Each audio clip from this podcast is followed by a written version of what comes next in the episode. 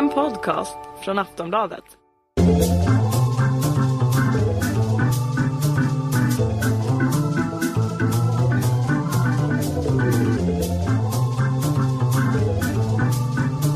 We don't need no education.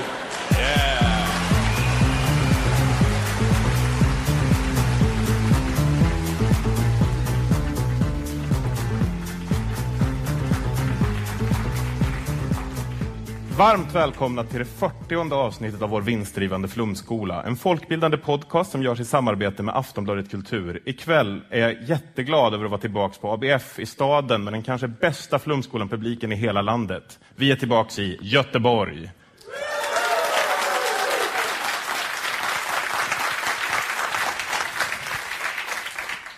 Innan vi sätter igång med dagens avsnitt ska vi ta en titt på de senaste veckornas händelser på Twitter.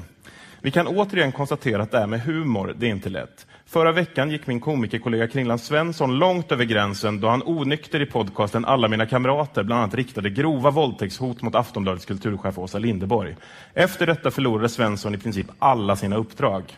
Om det har det sagts mycket, men jag tycker att det är en liten fråga som inte uppmärksammats nog mycket här, nämligen hur Twitters hive mind ibland skapar sina egna nyheter.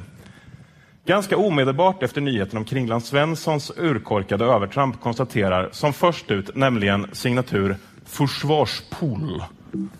Uppenbart ska man undvika twittrare som har bakverk i sitt twitternamn, Kringlan Kakan. Sedan följer ett potpurri av efter både Kakan och Kringlan hamnat i blåsväder väntar vi på att stand-up-mackan skapar rubriker. Det finns alltså en som heter Kakan och en Kringlan. Ja, ja, romarna hette ju kikärtan, åsnan, dumbommen, löksäljaren, tråkmånsen, fyllbulten. Kakan och Kringlan, sitting in a tree, K-I-S-S-I-N-G. Nytt underhållningsformat. Alla mina kamrater i hela Sverige bakar Kakan och Kringlan i rummet. När jag senast räknade var vi uppe i hela 130 tweets på temat Kringlan och Kakan. Och nu skulle det vara lätt att säga att det handlar om att proffsen borde sköta det här med humor. Men vem dyker då upp? Jo, Jonas Gardell.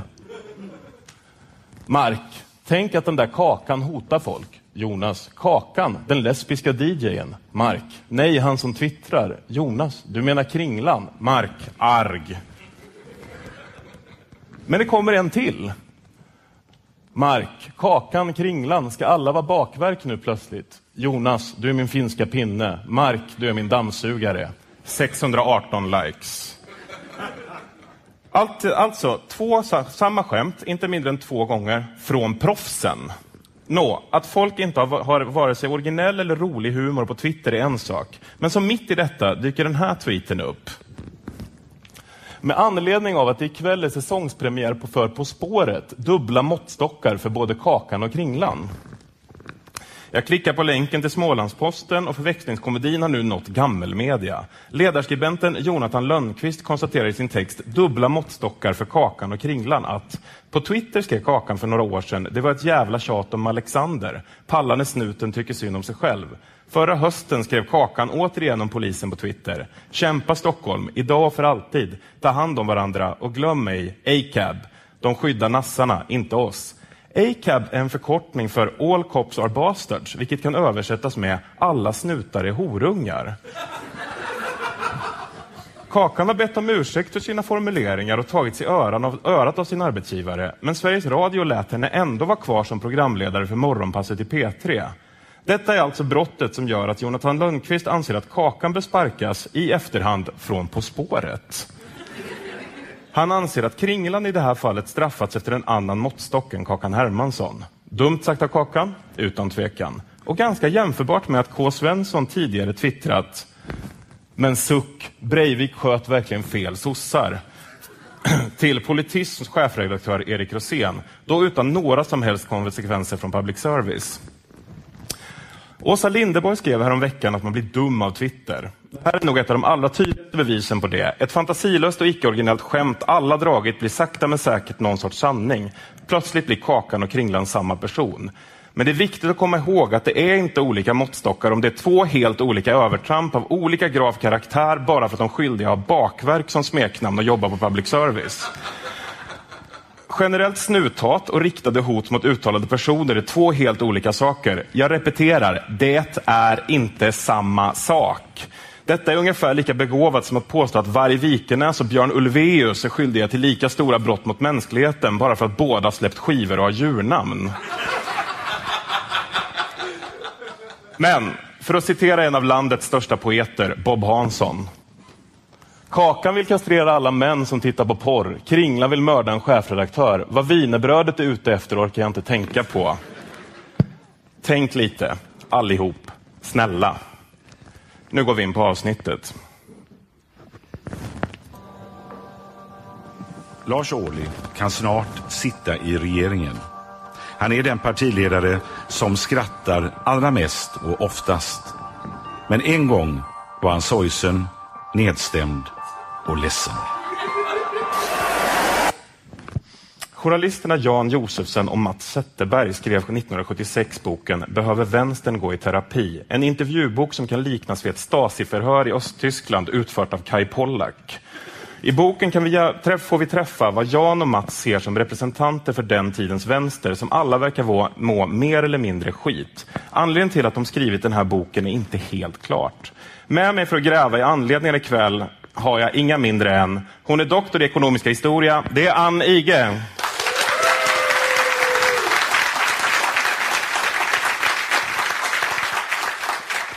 Han är Hörnös främsta serietecknare. Välkomna Johan Wanlo.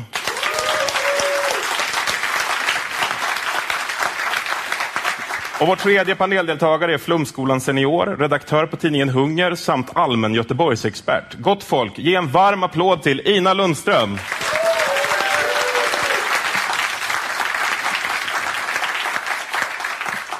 Och den som står över panelen, redo att ta klorna över svarta tavlan, är som vanligt jag, Johannes Klenell.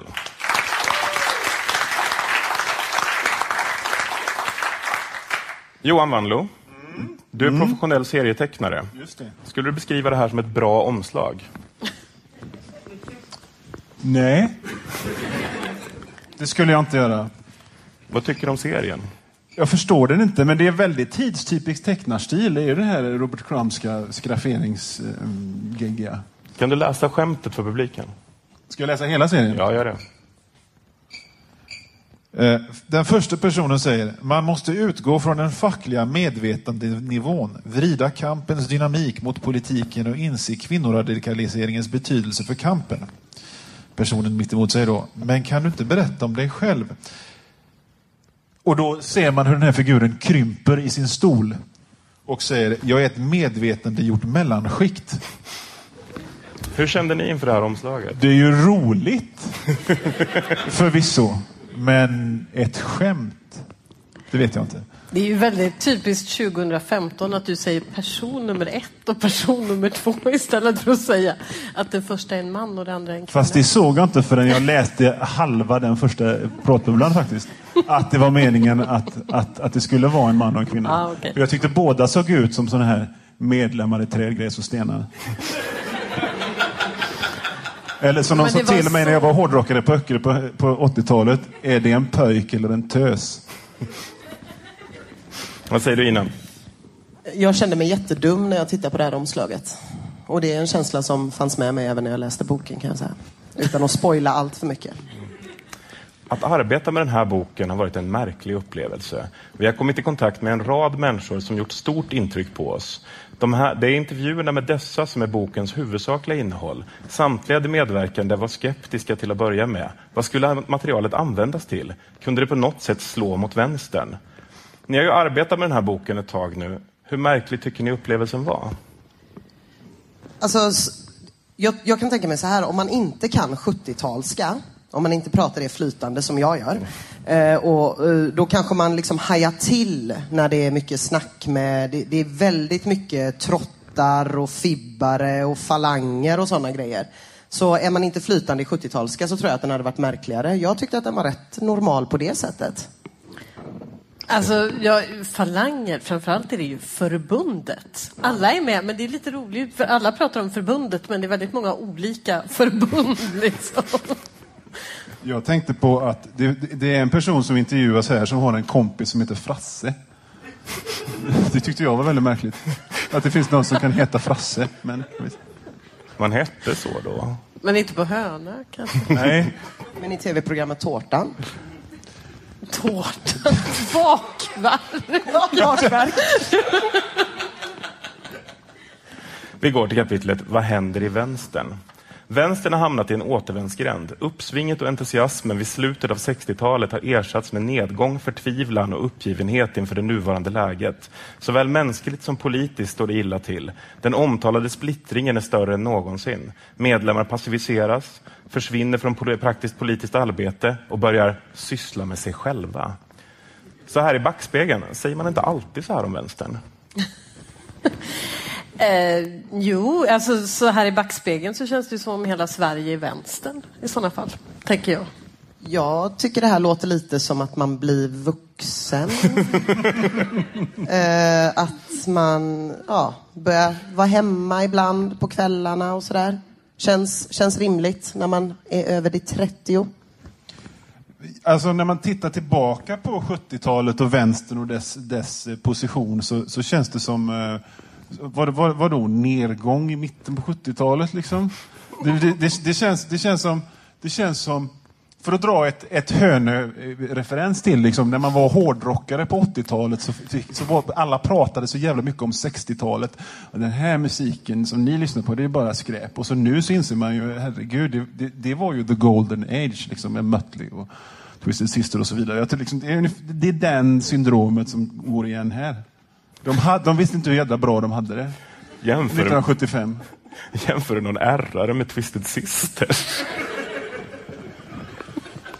Ja. Vi vet att många har knäckts av renlärigheten, jargongen och isoleringen inom vänstern. Vi vet att man utestänger många goda krafter med sin sekterism och ibland frånstötande personliga framtoning genom säkra agitatorer som vet bäst. Så här i backspegeln, säger man inte alltid så här om vänstern? Jag tycker det låter som en random 20-åring. Frånstötande personlig framtoning, säkra agitatorer som vet bäst. Gå in på en gymnasieskola säger jag bara. Jag tycker det låter som Twitter. Engagemanget, upproret och känslosvallet från 1968 känns plötsligt avlägset. Mycket har hänt sedan den franske studentledaren Daniel Cohn-Bendit utropade “Ta ägg och gå till handling. Säg nej till allt. Finn ett nytt förhållande till dina vänner. Älska på ett annat sätt. Det är för dig själv du gör revolution, här och nu.” Så här i backspegeln, har det någonsin varit så här inom vänstern? Inte i Göteborg. Jag tycker det låter lite så hippie. Det är ägg och kärlek och sånt. Jag tycker, jag tycker det känns som en, som en Ulf Lundell-text. Fast om han skrev om grejer som hände i sin ungdom. det Någonting som hände i förrgår. Liksom. Du har inte Twitter. Där med Ulf Lundell verkar vara lite känsligt. Vi ska inte försöka göra en politisk analys av vänsterns utveckling efter 1968, var den står idag organisatoriskt och politiskt. Istället skjuter vi in oss på ett område som marxismen traditionellt undviker att ge sig i kast med. Vi ska för en gångs skull sätta den revolutionära människan i centrum och mindre ägna oss åt ekonomiska och politiska skeenden. Vad händer med människor inom vänstern? Det är vad den här boken ska handla om. Jag måste redan nu lyfta frågan, fattar ni vad den här boken handlar om? Jag tror inte att Josefsson och Zetterberg fattar vad de skrev. För jag tycker inte de är så intresserade av, av människorna. Jag tycker de gör det de säger att de inte ska göra. Hela boken igenom. Men... Att människor överhuvudtaget protesterar mot samhället och engagerar sig i vänstergrupper vistas i vissa, vistas i vissa kretsar bort från, som en flykt undan personliga problem. Viftas i vissa kretsar bort som en flykt undan personliga problem. Bygg ut psyki- psykiatrin och saken ur världen. Med den synen kan man komma fram till att hela den progressiva rörelsen, med undantag för en eller annan eldsjäl, utgörs av en samling missanpassade, misslyckade individer som det inte finns anledning till att lyssna på eller ta på allvar. Jag tänkte här, polisen körde ju Drolf Feiler direkt i psyket senast hon tog honom på en antirasistisk demonstration. Var det alltså ett desperat försök att göra honom liberal? Ja, men det är ju ett av de mest misslyckade liberaliseringsförsöken sedan SJ.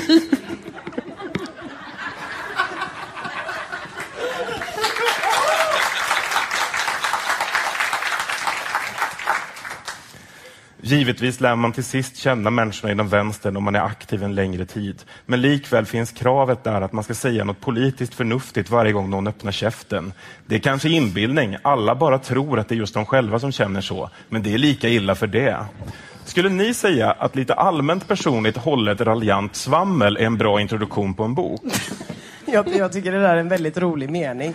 Det kanske är inbildning, men det är lika illa för det är det verkligen exakt lika illa om man inbillar sig något som om det faktiskt är väldigt eh, postmodernt? Jag förstår inte. Eller hur? Det föregriper ju verkligen en helt... Men ja, mm. vi kanske är någonting på spåren. Ja. Självkritiken brukar inte vara stor i början av det politiska engagemanget. Det blir gärna så att man ser samhället i gott och ont utan nyanser. Man insyper vad som är positivt för den kommunistiska ideologin och slår alla motargument ifrån sig. Främst gäller detta den intellektuella som saknar erfarenheter från vanliga arbetsplatser. Hur många av dem har inte delat ut flygblad utanför fabriksportarna utan att någonsin ha sett en fabrik från insidan? Gäster hos verkligheten, även om det är en tidig råkall vintermorgon. Alltså är inte det ett allmänt problem här att ingen riktigt har träffat några arbetare på riktigt?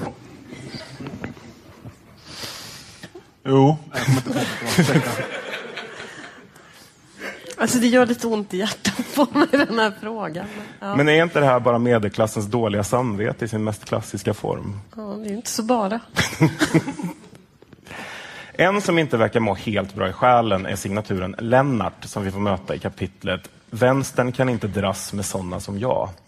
Lennart sköljdes med i den första proletariseringsvågen. 1972 la han av sina universitetsstudier för att bli svetsare på Kockums. Då hade han varit med i FNL-grupperna sedan 1968 och gått med i förbundet Kommunist, FK, 1971. Idag är Lennart fabriksarbetare och går och väntar på en upprorskänsla som inte vill komma. Politiskt är han helt passiviserad. Från att ha varit en hängiven kommunist är han nu mest sysselsatt med sig själv. Det ser han som ett stort misslyckande. Han bor i i ett kollektiv där de andra är politiskt aktiva. Vad kände ni inför Lennart? Jag tycker jättemycket om Lennart, måste jag säga. Ja, men jag menar allvar. Jag, tyckte det var, jag blev väldigt gripen av den eh, berättelsen. Jag Ja, gillade honom. Jag kände så här, oj vad mycket trygghet man kunde ha. Jag tänker liksom, om man är, om man är i Lennarts ålder idag så, här, så kanske man eh, inte kan åka och lajva på medeltidsveckan ens några dagar för då blir man av med sitt telemarketingjobb där man blir inringd vid behov. Lennart han lajvade bort hur många år då som arbetare? Var det tio år? Ja, det vet man ju inte, för man vet ju inte vad som hände med Lennart. Men jag kan ge mig fan på att Lennart numera sitter med sex kalla miljoner på grund av lyckad bostadskarriär någonstans. Och bara, mm, det var tio, tio år när han, när han liksom, ja, bara skulle låtsas. Du menar att han snuvade de andra kollektivborna på, på kontraktet? Liksom? Ja, ja, eller så, ja, eller så köpte han något radhus för typ 2500 kronor några år senare. Och så sålde det för 25 miljoner. Ja, någonting i den stilen. Men alltså, han är akademiker som idag är självvald industriarbetare som bor i kollektiv med andra politiskt aktiva. Hur politiskt passivt är det? Det låter väl som Johan Lundberg. Lennart anklagar ingen annan än sig själv för att han inte kunde bli den fullblodsproletär han hade hoppats. Han förebrår inte vänstern för någonting utan menar att det är han själv som har svikit. Som aktiv kunde han gå på fem möten fem kvällar i veckan och njuta av det. Nu ett par år efteråt sitter han hemma på sin fritid, lägger upp ett kortregister över LP-skivor, lyssnar på musik, ser på TV och läser Dagens Nyheter innan han somnar. Fabriksjobbet tröttar ut honom både fysiskt och psykiskt. Jag tänker igen, är det här så jävla passivt? Det är väl en fullt normal vardag? Alltså, alltså, lägga upp ett kortregister över LP-skivor och lyssna på det är ju för fan en hipster. Lennart är ju en hipster liksom.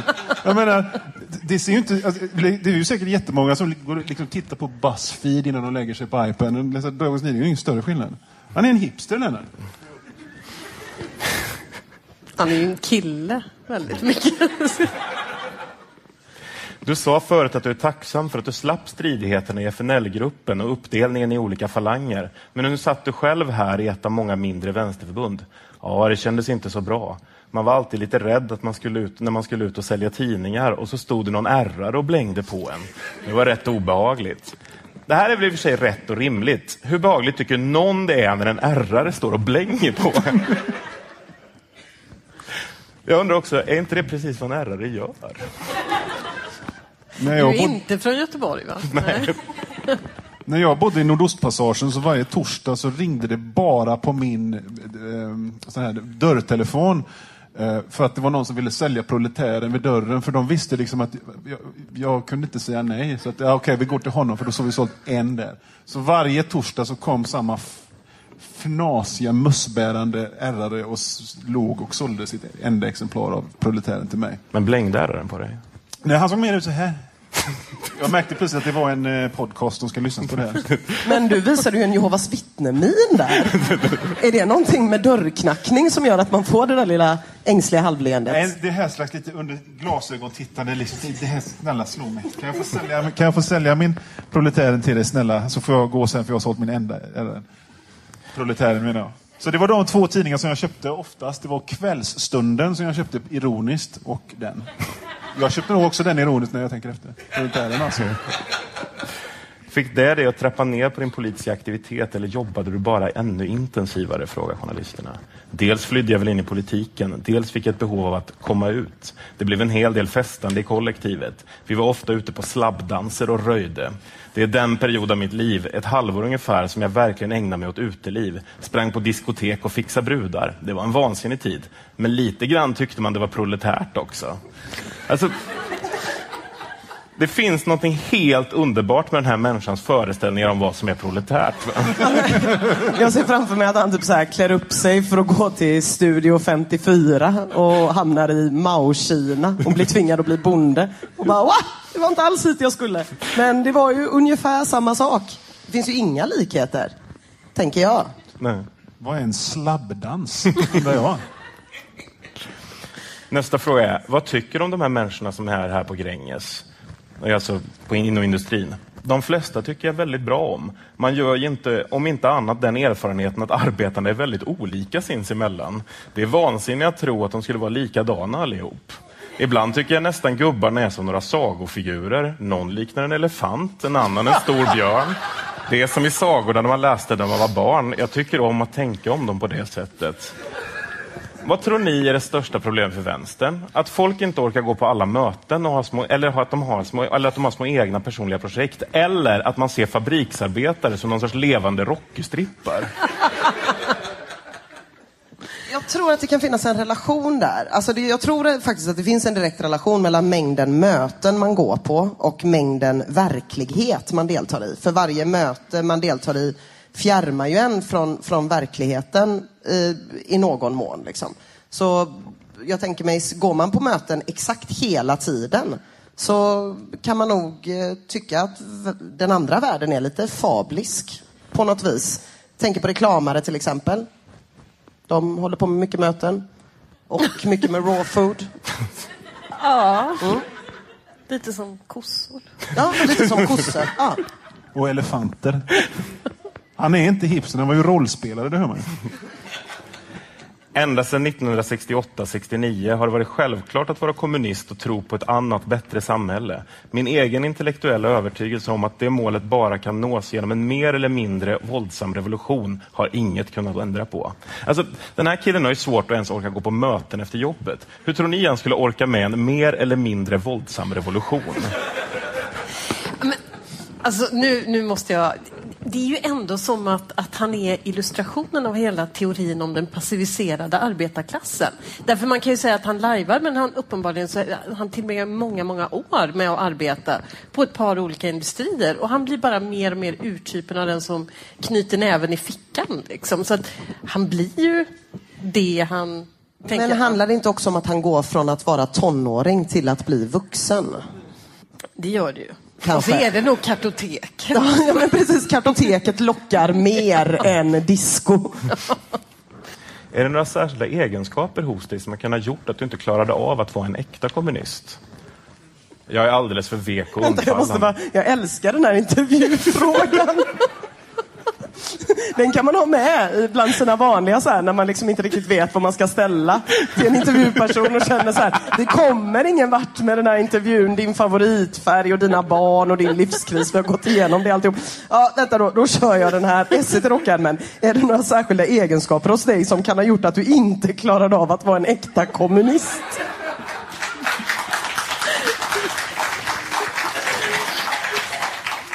Jag Vad all... svarar man på en sån fråga? Lennart svarar. Ja, han jag... svarar ju.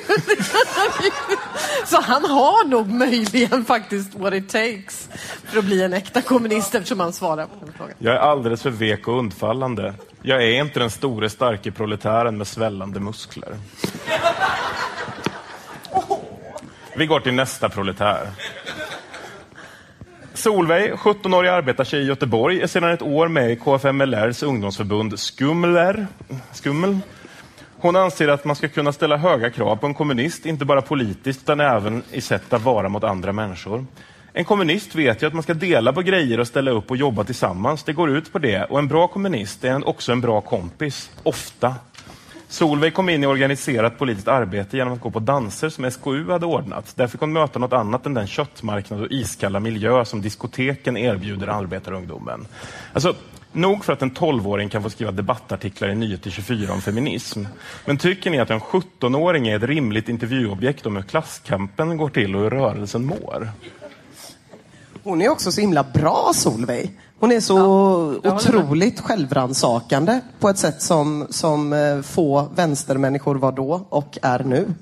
Underbar. Just det kapitlet tycker jag alla ska läsa. Författaren erbjuder ju då och då små förklaringar till vad proletärerna och framförallt Solveig säger. Och här kan vi tänka oss då att det är förkortningarna på allting. Men istället är det saker som “Jag blir tyken”, asterisk, otrevlig. Jag fattade ingenting av det de pratade om. Jag vågade inte heller fråga, för då trodde jag att de skulle tycka att jag var gördum. Gör är Göteborgsdialekt och innebär en förstärkning av det för efterföljande ordet. Jag känner mig kränkt som göteborgare. Kände ni när att... det är så himla mycket andra saker som inte förklaras, typ slabbdans, så känns det som så här, hur, hur otroligt okända är de här göteborgska uttrycken i jämförelse då? Framförallt är väl gör ett uttryck som finns i hela Sverige. Det är, Ja, det är möjligt. Ja, men i där. Värmland också. Det är Ja. nog det. Vilka krav ställer du på en människa som kallar sig kommunist? Han ska ställa upp på möten, hjälpa till när det är någonting som behöver göras och inte säga att han inte har lust. Det är ingen som har någon överdriven lust att städa klubblokalen. Han ska heller inte lasta över saker på andra. Jag ser det på många sätt som att vara en bra kompis. Alltså kommunist och kommunist, de pratar väl om snubbar här? Alltså jag måste ju få säga någonting som inte är roligt, men om, om någon vill läsa en, en bok som går ganska fort att läsa som förklarar varför feminismen blev den liksom politiska ideologi som flest kan, kan liksom sluta upp bakom ett årtionde senare. Så den här boken berättar precis varför. Ja, men den gör det. Och det är inte bara Solveig, det är varenda berättelse talar om det. Det är ju helt... Tänker du på vad som är riktigt och fel att som kommunist fördömer du sak, de saker hos dig själv som är borgerliga? Nja, jag gör nog inte det. Jag lyssnar till exempel på Svensktoppen varje söndag och märker att hur påverkad man kan bli av sånt strunt. Går man upp vid 11-tiden på söndagsmorgonen och sätter på radion så blir det ju Svensktoppen man får lyssna till. Nu har det gått så långt att jag tittar på klockan. Är den 11 sätter jag på radion. Jag rekommenderar verkligen ingen att lyssna på Svensktoppen. Men om man är kommunist är det kanske inte så farligt för då är man lite mer medveten om vad man gör. Så, Svensktoppen är alltså inte okej att lyssna på om man är kommunist, men det är inte så farligt att göra det om man är kommunist, för då vet man vad man gör. Är det vad vi kan dra för slutsats av det här? Det är som sådana här nedladdare som liksom piratar ner filmer för att de inte tycker det ska vara amerikanskt och Hollywood. Liksom. Men sitter och tittar på dem. Liksom. Fy vad det är hemskt med Avengers. Jag vill krossa dem. Och så tittar de på den och tycker det är jättespännande. Det är ju exakt samma Say hello to a new era of mental health care. Cerebral is here to help you achieve your mental wellness goals with professional therapy and medication management support. 100% online. You'll experience the all new Cerebral Way, an innovative approach to mental wellness designed around you. You'll get a personalized treatment plan from a therapist, prescriber, or both in a safe and judgment free space. Your Cerebral therapist or prescriber will outline a customized plan with clear milestones along the way so you can get to feeling your best. With Cerebral, you're not alone in your mental health journey. We're here to empower you to live a fulfilling life. So take that first step towards a brighter future and sign up today at cerebral.com slash podcast and use code ACAST to get 15% off your first month. Offer only valid on monthly plans. Other exclusions may apply. Offer ends July 31st, 2024. See site for details. egentligen. I Ja, vem- Just det, fast jag vet inte, kommer du ihåg Svensktoppen på 70-talet? Allt jag har att säga om Svensktoppen är att Family Four snodde Abbas Thunder totalt. Nästa fråga är, i vänstern är hat och våld mot klassfienden viktiga ingredienser. På vad sätt påverkas du av det? Återigen en lysande intervjufråga. När läget kommer en dag är våld oundvikligt. Då kommer man att hata. Jag kan känna det hatet redan idag. Inte så att jag kan sätta mig ner och plötsligt bara hata. Men när man ser hur fackpampar och företagsledare behandlar jobbarna vid en strejk kan man inte låta bli att bli arg. Som den här Gyllenhammar. Den skulle jag kunna gå fram och slita till. Så mycket enklare än mig. Jag hatar honom inte så mycket att jag skulle kunna skjuta honom. Men det kommer jag göra om det blir ett sånt läge i Sverige.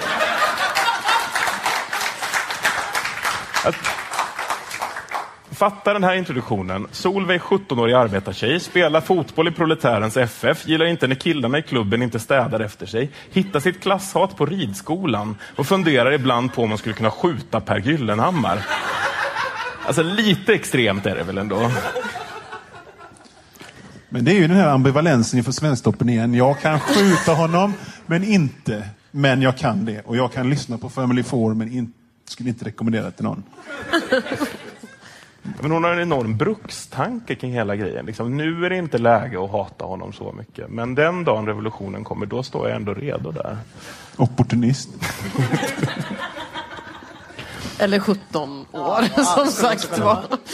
Nu får vi träffa Leif som är lärare och kommunist. Det finns en motståndare som vill ta död på en. Här ger du tydligen en känga åt den intellektuella vänstern. Du är ganska föraktfull när du talar om det politiska arbete som bedrivs vid universiteten mot radikala studenter överhuvudtaget. Det är väl på så sätt att vissa människor behöver få spralla av sig. En student kanske vill protestera i största allmänhet och söker sig till en kommunistisk organisation där det är legitimt att göra det. På så sätt hoppas han få utlopp för sina känslor. Då är det en typisk borgare som har kommit in i organisationen.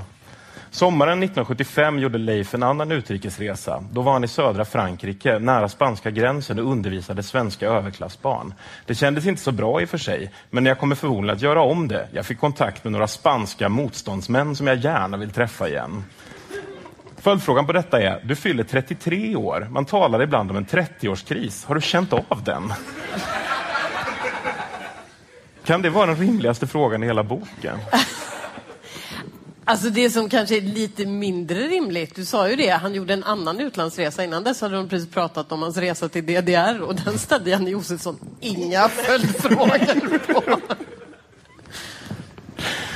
Du använder gärna ordet flummare om människor som, på olika sätt tar, som du på olika sätt tar avstånd ifrån. Vad menar du egentligen med flummig? Flummigt är något som inte är genomtänkt. Flummare är sådana som ser politiken som en lek. Ofta gör de politiska frågor till moral.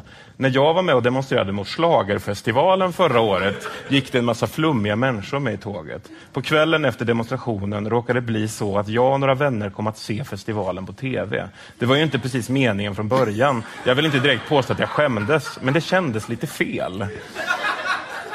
Ska det verkligen behöva vara så här mycket skam och dubbelmoral i att vara vänster? Jag älskar också att Janne Josefsson redan nu, för han är typ 24 år när han skriver den här boken, får folk att bekänna sina mörkaste hemligheter.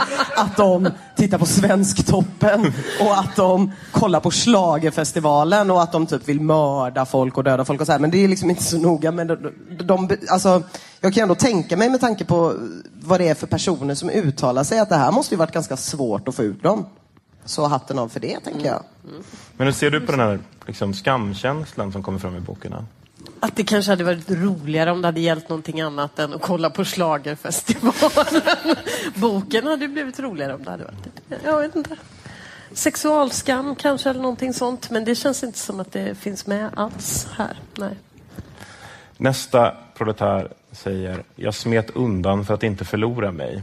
Och jag har bara en fråga som jag tyckte var intressant och det är, är du förtryckt av samhället? Jo, det är jag. Det är i princip samma förtryck i Sverige som i fascistdiktaturerna. Men hos oss är det en annan form av förtryck, mildare, mer smygande. De som accepterar odrägliga arbetsförhållanden och dåliga daghemsplatser är ju alla utsatta för samhällets förtryck. Jag är inte jätteinsatt i de här mekanismerna, absolut inte. Men är verkligen dåliga daghemsplatser i Borås jämförbart med att bli garrotterad i Madrid? Eh, nej, men man kan ju säga att fascistdiktaturen i Spanien inte bara handlade om att bli garrotterad i Madrid, heller. Nej, absolut. Om man... Jag kan tycka att det finns en parallell eh, mellan det här, det här sättet att tänka, att, att, det, att man lever i en fascistdiktatur, och de här eh, vägvalet i Göteborg. Och, och eh, trängselskatten och, och Västlänken och det. För det är ju nästan exakt samma retorik de svänger sig med. Liksom. Vi fick inte vara med och välja. Det är så här fungerar representativ demokrati. Yeah.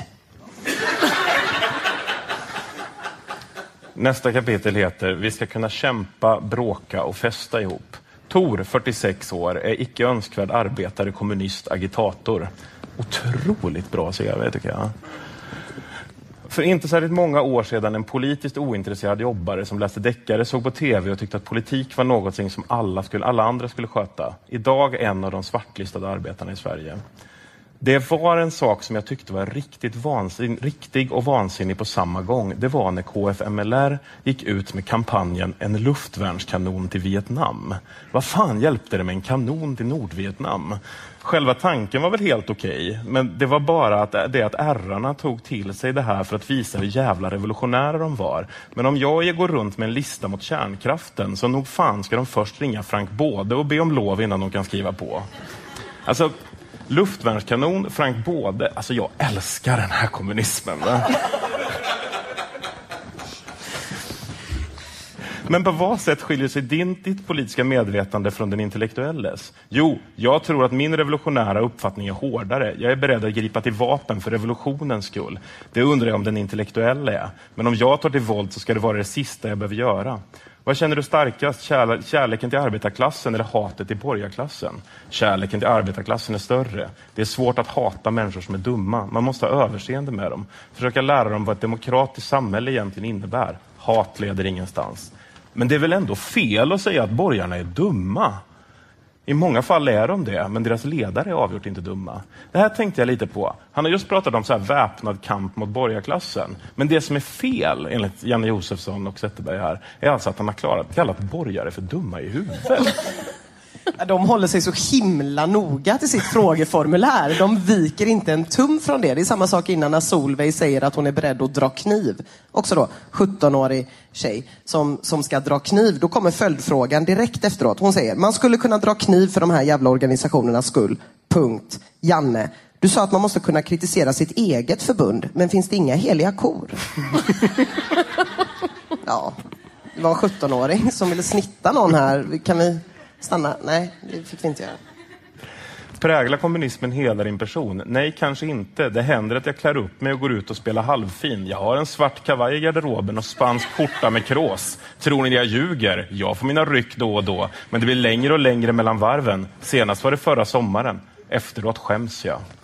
Alltså, alltså jag är ändå så bekymrad över just den här skammen. Alltså... Jag är mer bekymrad över kråsskjortan just nu. För jag skäms fortfarande för jag hade på mig en i åttan en gång. Eh, och den, ja, den var röd och ja, hade krås. Inte rosa? Nej, röd. en röd kråsskjorta. Ja, jag känner fortfarande skam. Men jag tror att det är en annan slags skam. Hade jag vågat hade jag haft kråsskjorta och läderbrallor där uppe kan jag säga. Vi i frilansvänstern rycker in när vi känner för det. En slumrande skara som vaknar upp när det finns en gemensam sak att kämpa för. En vänsterns reservstyrka som inte kan anpassa sig till organiserat politiskt arbete men som rycker in när det känns riktigt. Dit räknar sig Per som är 25 år och musiker. Med ett eget uttryck kallar han det för frilansvänstern.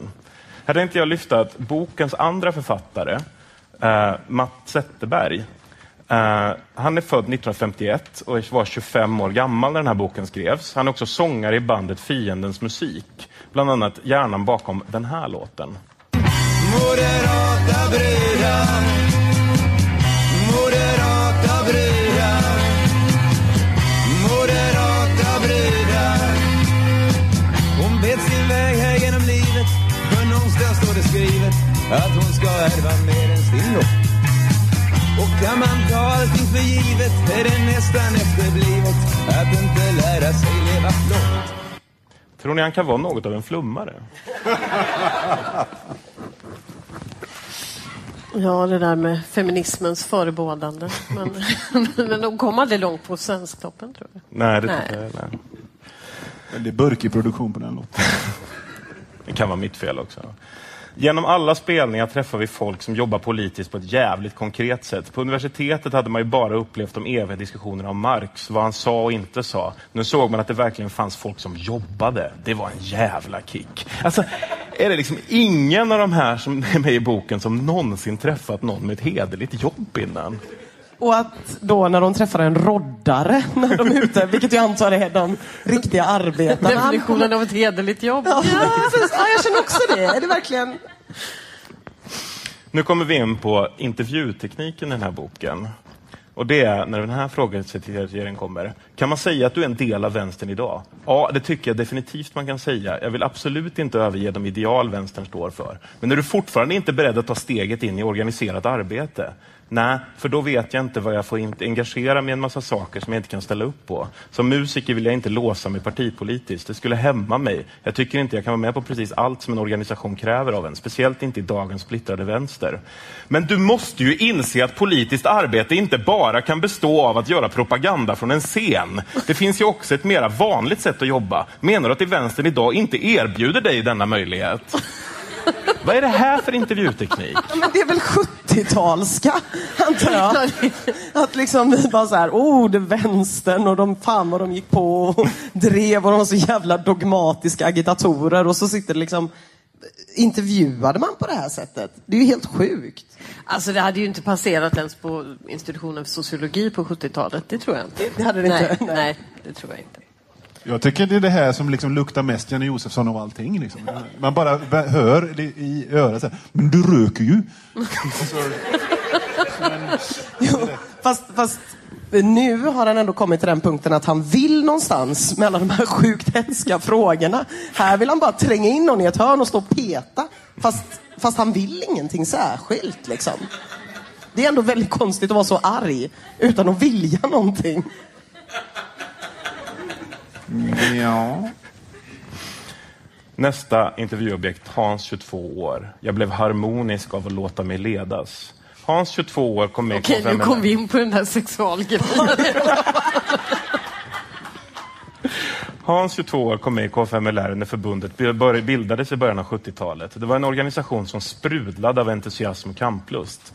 Det är inte ofta man hör orden entusiasm och KFMLR i samma mening nu för tiden. Nu för tiden, nej. Då går vi vidare till nästa sak. Som medlem i KFMLR tvingades Hans leva ett dubbelliv. Den asketism och disciplin som förbundet krävde av de aktiva stod inte alla pall för. Gjorde man något som inte föll i mönstret av för vad en god kommunist skulle göra fick man dölja det. Själv var jag teoretiskt perfekt men i praktiken svek jag på många punkter. Jag var intresserad av kläder och gillade en musikstil som de andra fördömde. Och jag ville bo i storfamilj fast det betraktades som i högsta grad antiproletärt. Va? Jag är så sjukt nyfiken på vilken musikstil det var som de andra fördömde.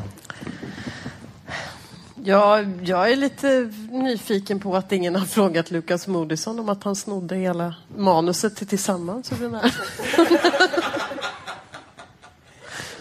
Nej, men jag, alltså, ha- hade jag inte läst boken så hade jag bara, mm, disco.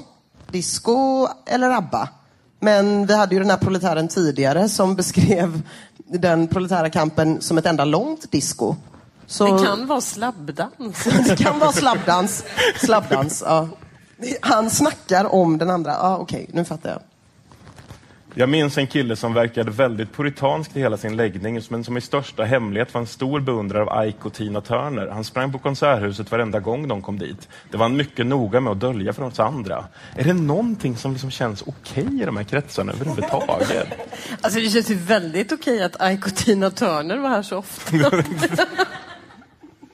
Varannan vecka känns det som. Har du idag tid att ägna dig åt det du förut tänkte vänta med till efter revolutionen? Jo, jag tar mig tid att hålla på med fotboll, lyssna på musik och träffa mina kompisar. Är det alltså livet efter revolutionen? Lite som att hänga på fritidsgården? Jag trodde alltid att åtminstone speedway och eller kanske svetsning skulle ingå efter revolutionen. Så jag är lite förvånad över att ingen av de sakerna nämns. För det är ändå det jag har blivit utlovad. Jag tror att det var det herrarna gjorde före revolutionen. Det var det de gjorde? Ah, okej. ja. Så nu är det speedway och svetsning, sen blir det boll. Ja. Här kommer ännu en intervjuteknikfråga. Och det är när den här frågeserien kommer. Har du fortfarande kvar din upprorskänsla? Ja, det kan jag säga att jag har. I så fall varför? Varför har de behållit frågan i så fall varför? Det är väl liksom ingen naturlig följdfråga. Har de liksom bara brevintervjuat de här människorna och sen skitit i att efterredigera? Vad säger du Ina? Ja, alltså jag vet verkligen inte. Jag tycker det är så himla märkligt att alla de här frågorna är utskrivna på det här viset. Dels gör, den, gör det ju boken väldigt svår att läsa, men sen så gör det ju också att författarna framstår som så oerhört osympatiska, verkligen. Det kanske är tanken. I så fall varför? Ja. Jag vet inte, nu när man lever i enkätsamhället så tänker jag att man är så van vid att få jättekonstiga frågor hela tiden. Och egentligen så tycker jag inte att i så fall varför är en så dålig fråga. Den låter illa, men man vill väl veta varför de har upprorskänslan kvar ändå. Nu börjar äntligen Josefsson och Zetterberg tycka saker själva. Vi har nått kapitlet Ska vi vara socialister med varandra? En bra kommunist... Ska man vara socialister mot varandra? Heter väl ändå kapitlet. Sa jag inte det? Med varandra. Åh, förlåt, Ja, här sitter du och mjuknar. En bra kommunist är en bra kompis, säger Solveig. Men kan vi vara socialister mot varandra? I ett samhällssystem som premierar beteenden som effektivitet, styrka, hårdhet och okänslighet är det först när vi har omdanat samhället socialistiskt vi kan förvänta oss av människor att de uppträder socialistiskt. Människors motiveringar för att gå in i politiska organisationer är ofta sådan art att de inte går att ange öppet. Det duger inte att komma med vilka skäl som helst när cirkelledaren frågar varför man vill studera marxismen. Man kan inte dra till med något som “Ni ser ut att ha det mysigt och verkar vara sköna människor. Ni vågar knyta näven på torget och ha häftiga kläder. Jag gillar er.” ner. Alltså inte den göteborgskan Johannes. Nej, nej, nej, nej, nej, nej, nej, nej. nej. Hur skulle du läsa det här då? Hur jag skulle läsa den? Ja, men ni ser ut att ha det mysigt och verkar vara sköna människor. Vågar knyta näven på torget och häftiga kläder. Jag diggar er. Den skolade cirkelledaren skulle svara med tydlig irritation. Här sysslar vi med konkret politik. Vår uppgift är att omdana det kapitalistiska samhället. På en skala från 1 till 10, hur rimligt känns det här samtalet? Jag vet inte, på den tiden var det säkert så det gick till. Vi går till kapitlet Den revolutionära kampen och ångesten. Behöver vänstern gå i terapi? Den provocerande frågan ställer vi för att sätta fingret på problem inom vänstern som den hittills visat sig oförmögen att ta itu med. Det finns kommunister som ser sin egen inre kris som en spegling av det aktuella klasskampläget. Vi ska i de två följande kapitlen ta upp psykoterapins och psykoanalysens förhållande till marxismens revolutionära rörelser. Striden mellan marxismen och psykoanalysen, revolutionär kamp kontra personlig frigörelse, är klassisk. Den var som intensivast på 20 och 30-talen då den ledde till en oförsonlig brytning. Under Stalintiden upphörde så gott som all dialog. Jag hade faktiskt ingen aning om att det finns en klassisk strid mellan marxism och psykoanalys. Är det så här att en ärrare som vill sticka, skicka en luftvärnskanon till Vietnam och så dyker det så plötsligt upp så här en psykoanalytiker och bara “Jag vet nog vad du egentligen vill skicka till Vietnam”. Ja. Alltså, heter den här boken Behöver scientologin gå i terapi? Eller när man tänker efter om om det här fiendskapen till, till mm, psykoanalys. Jag vet inte. Men är det korrekt? Vet du det? Finns det en gammal klassisk schism mellan marxismen och psykoanalysen? Alltså, det är nog faktiskt inte så fel som du kanske skulle vilja eh, att det var. Dessutom så, så tänkte jag hela tiden att det som hände sen var väl att vänstern gick i terapi. Och det är ju också någon, någon sorts väldigt eh, prognostisk kraft i den här boken. Jo, men visst. Men hur såg den ut? Jag är alltså nyfiken på riktigt nu, jag skojar inte. Ja, men nu tycker jag du börjar kännas som en analytiker faktiskt. Du vill att jag ska säga saker här som jag inte vill avslöja. Eh. Inlärning och uppfostran formar våra beteenden och attityder i tidiga år. Människan i kapitalismen har en slavmentalitet inympad sedan barndomen. Redan från början får barnet lära sig lyda, visa respekt för överordnade och inte bråka. Här finns en del av svaret till det bristande klassmedvetandet hos arbetaren och hans mottaglighet för reaktionära idéer. Folk som stiger upp klockan fem på morgonen för att tillbringa dagen i en skitig verkstad och till råga på allt måste sitta och skaka i två timmar på per dag på buss eller tåg tvingas anpassa sig till dessa förhållanden genom att mota ut från sitt medvetande allt som kan ifrågasätta denna situation. Om de insåg att de slösar bort sina liv i tjänst hos ett absurt system skulle många rimligen förlora förståndet eller begå självmord. Ja, men Stefan Löfven och Jan Björklund skulle vara glada i alla fall. Men skulle ni säga att Josefsson och Zetterberg är två killar som ser glaset som halvfullt eller halvtomt? Jag tror Janne Josefsson vill slänga glaset på. Jag tror inte han spottar i det i alla fall. I vanliga fall så är man van att se det som ett argt skjutjärn. Jag är inte bara det. I debatt kunde jag visa upp andra sidor. Det är förbannelse med media. Vet du. Man eh, liksom förenklar, man, det är en sida av en... Eh, Uppdrag granskning, där är ju det den sidan man ser. Va? Men jag är en eh, sång och dansband som Robban alltid har anklagat mig för att vara. Och det är också. Okej. Kanske slabbdans rent. Här kommer ännu ett ordlisteord. Härav följer den idealistiska taktik som består i att kort och gott förklara för folk att de är utsugna, måste betraktas som värdelös. Kan någon i publiken gissa vilket ord Josefsson och Zetterberg tycker är värt att förklara här utav härav följer den idealistiska taktik som består att i kort och gott förklara för folk att de är utsugna? Får jag en gissning på ett av orden? Fel! Det är idealistiska som översätts som naiva, blåögda. Vilket du inte kan vara enligt grundcirkelns definition. Reich kritiserade också de kommunistiska organisationerna för att de inte ville befatta sig med den psykiska sidan av förtrycket. Vi måste skapa en friare atmosfär för våra organisationer. Pojkarna och flickorna måste kunna uttrycka sig öppet och tala om vilka relationer de vill ha till varandra och vad de inte tycker om hos varandra. Det vore den bästa grundvalen för ett tidigt och inte teologiskt kamratskap i kampen mot det kapitalistiska utsugarsystemet. Låter inte det som en jättejobbig värld att vara i, där alla bara frågar hur man mår hela tiden? Jo, fy fan. Det låter som att logga in på Facebook. Är det inte det tvärtom? Det bara berättar alla hur de mår hela tiden. Ännu värre. Ja, Den enda som ännu frågar värre. hur man mår är ju Facebook själv. Ja, men det var What you up to today? hej, hej. Men känns det som att de kommer få mycket gjort om de gör den här omvandlingen? Hur mycket fick de gjort? I och för sig. Reich tycker sig se att den bästa revolutionären som utför sitt arbete grundligast och stannar kvar i rörelsen är den som har ett ordnat privatliv. Medlemmen som lägger ner all sin kraft på partiarbete och inte har något sexualliv alls kunde vara en bra revolutionär bara under en kort tid. Så är alltså en bra revolutionär en mycket erotisk varelse, typ som Jan Myrdal. Nej. Alltså, det sades inte. Det finns ett väldigt stort spann mellan att inte ha något sexualliv alls och Jan Myrdal. Där befinner sig alla andra människor som inte är Jan Myrdal. Befinner sig någonstans på den glidande skalan mellan inget sexualliv alls och Jan Myrdal. Och nu kommer vi in på den där normalfördelningskurvan. Vad skulle det få för konsekvenser om vänstern plötsligt ägnade sig åt gruppterapi på sina möten? Hur skulle en arbetare som vill känna sig för i en grundcirkel reagera om man för första gången möttes av egendomliga övningar där man sitter i ring och håller om varandra? Alltså, Men det här kommer de ju tillbaka till. Det är uppenbarligen det läskigaste man kan tänka sig, att folk sitter i en ring och håller om varandra. men alltså arbetare och arbetare, det är väl rätt många som skulle känna sig lite förvirrade. De ber om en revolution och får en Waldorfskola. Alltså, Men man sitter i en ber ring- inte om en revolution. Men att sitta i en ring och hålla om varandra, det, det är min bild av 70-talet. Liksom. Eh, Margareta Krok och Ernst-Hugo Järegård som sitter med långt hår och spelar flöjt och håller om varandra. I en, i en saccosäck. Ernst-Hugo. Fast vad vet jag? Men du upplevde hela 70-talet på barn-tv. Oh ja, så är det. Säger han som inte var född då.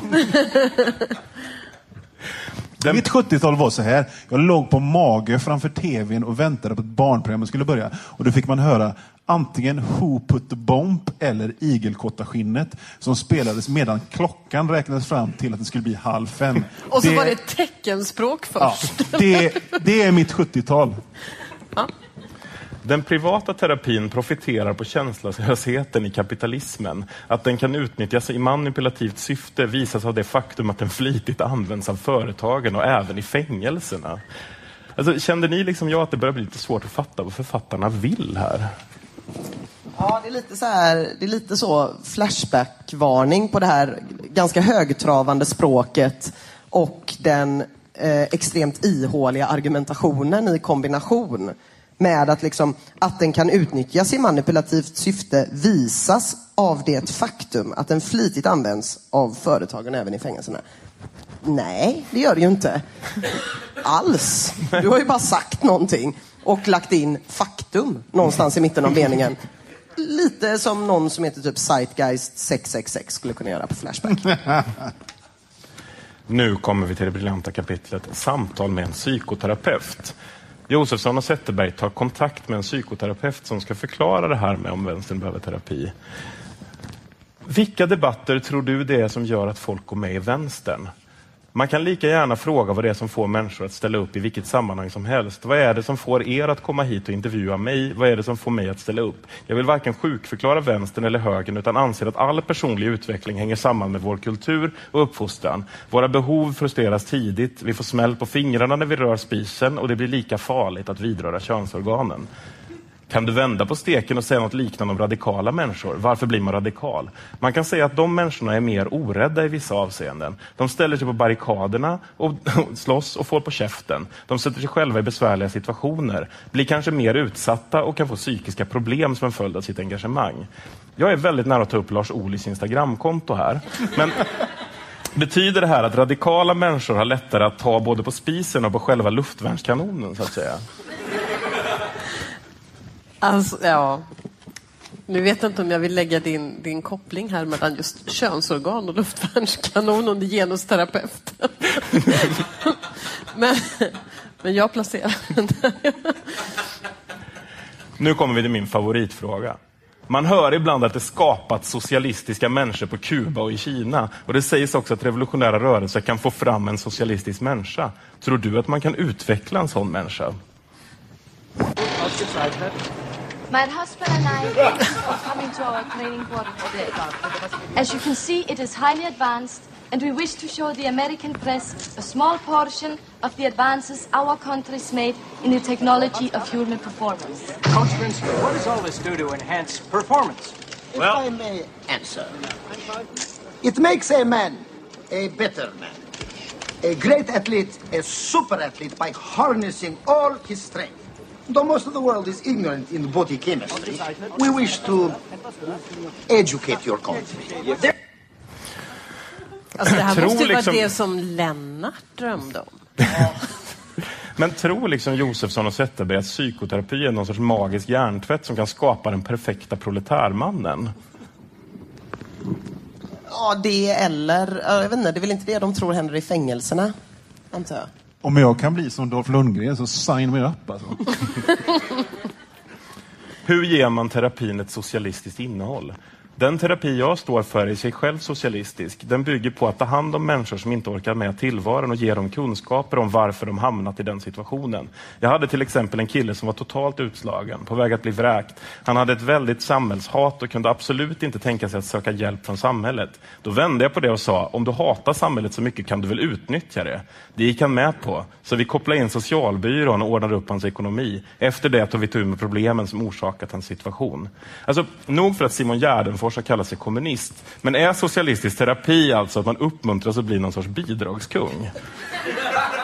Alltså jag blev alldeles våt i ögonvrån av att jag tyckte det var fantastiskt. Jag önskar det var fler sådana terapeuter, verkligen. Jättebra, tycker jag.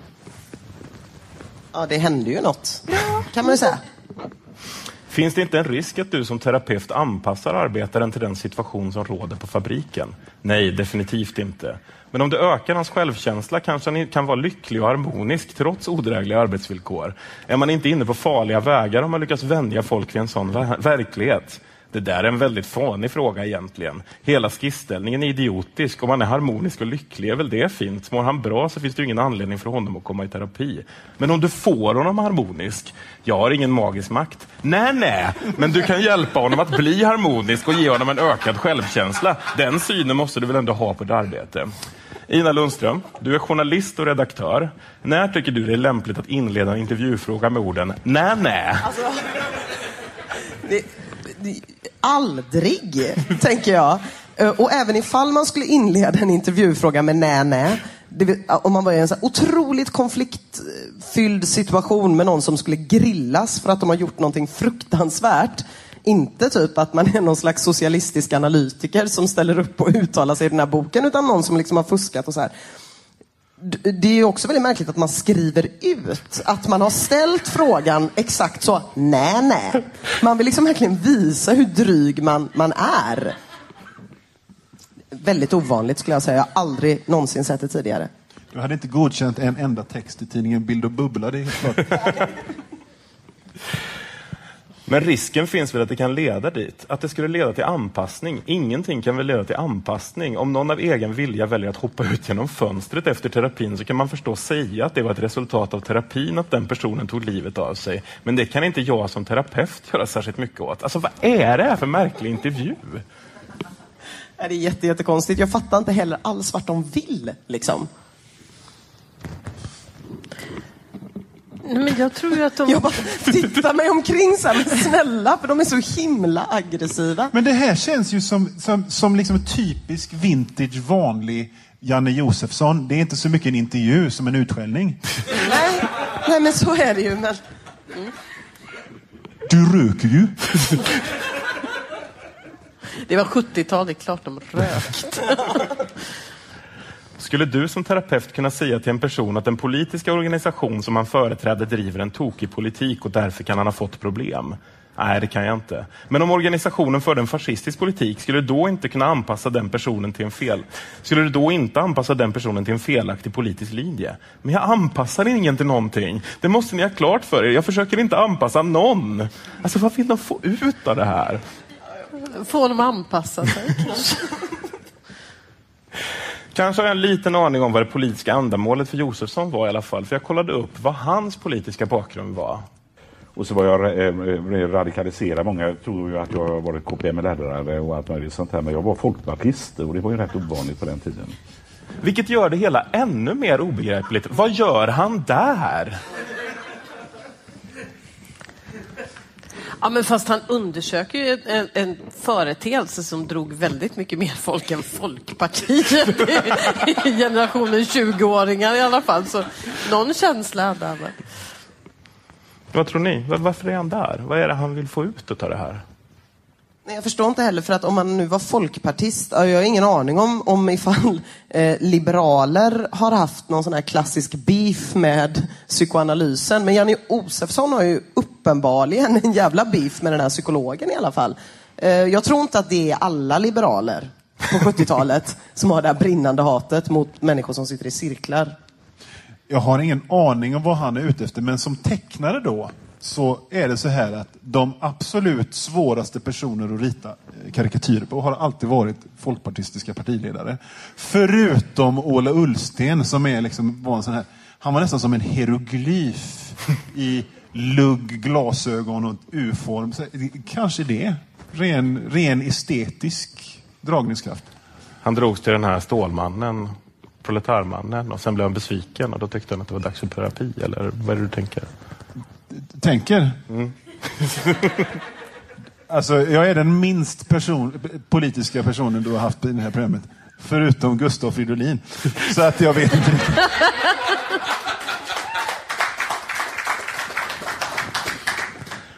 För att avsluta det här nu då. Vem ska läsa den här boken? Ann?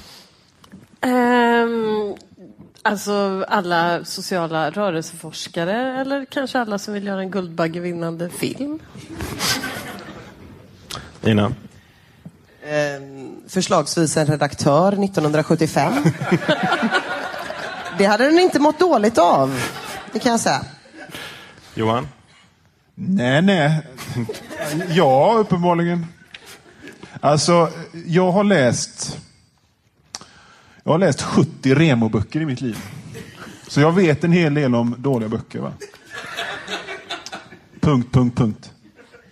Nej, jag vill ha ett avslut på det där. Nej, men alltså det här... Eh, jag, har, jag, alltså jag har ju läst Christer Sturmarks med Passionen som drivkraft. Den var tråkigare än denna. Vad har ni då lärt er av att läsa den här boken? Ann? Ja, men alltså att jag alltid vill vara, jag vet inte, djävulens advokat. Jag tyckte jättemycket om boken. Alltså det, är, ju- det är ju så här, så är det. Jag gillade många av personerna. Jag har lärt mig att jag har, har svårt för att tycka illa om det jag läser. Ina? Eh, jag har lärt mig att bara för att man ställer ledande frågor så betyder det inte riktigt att man vet vart man är på väg. Riktar du det här till mig eller till Janne Josefsson? Er båda. Eh, främst till eh, Janne och Mats. Jag har inte lärt mig vad slabbedans är i alla fall. Jag har i alla fall lärt mig att hiphopduon Las Palmas bedriver socialt, socialistisk psykoterapi, att det en gång fanns en klassisk fejd mellan marxister och psykoterapeuter, samt att en riktigt bra kommunist han plockar undan efter sig. Med de orden vill jag tacka Ann Ige, Johan Wandl och Ina Lundström. Flumskolan är snart tillbaka med ett nytt avsnitt. Då läser vi Alf Svenssons självbiografi Här kommer Alf Svensson. Ge panelen en varm applåd. Flumskolan är slut för idag.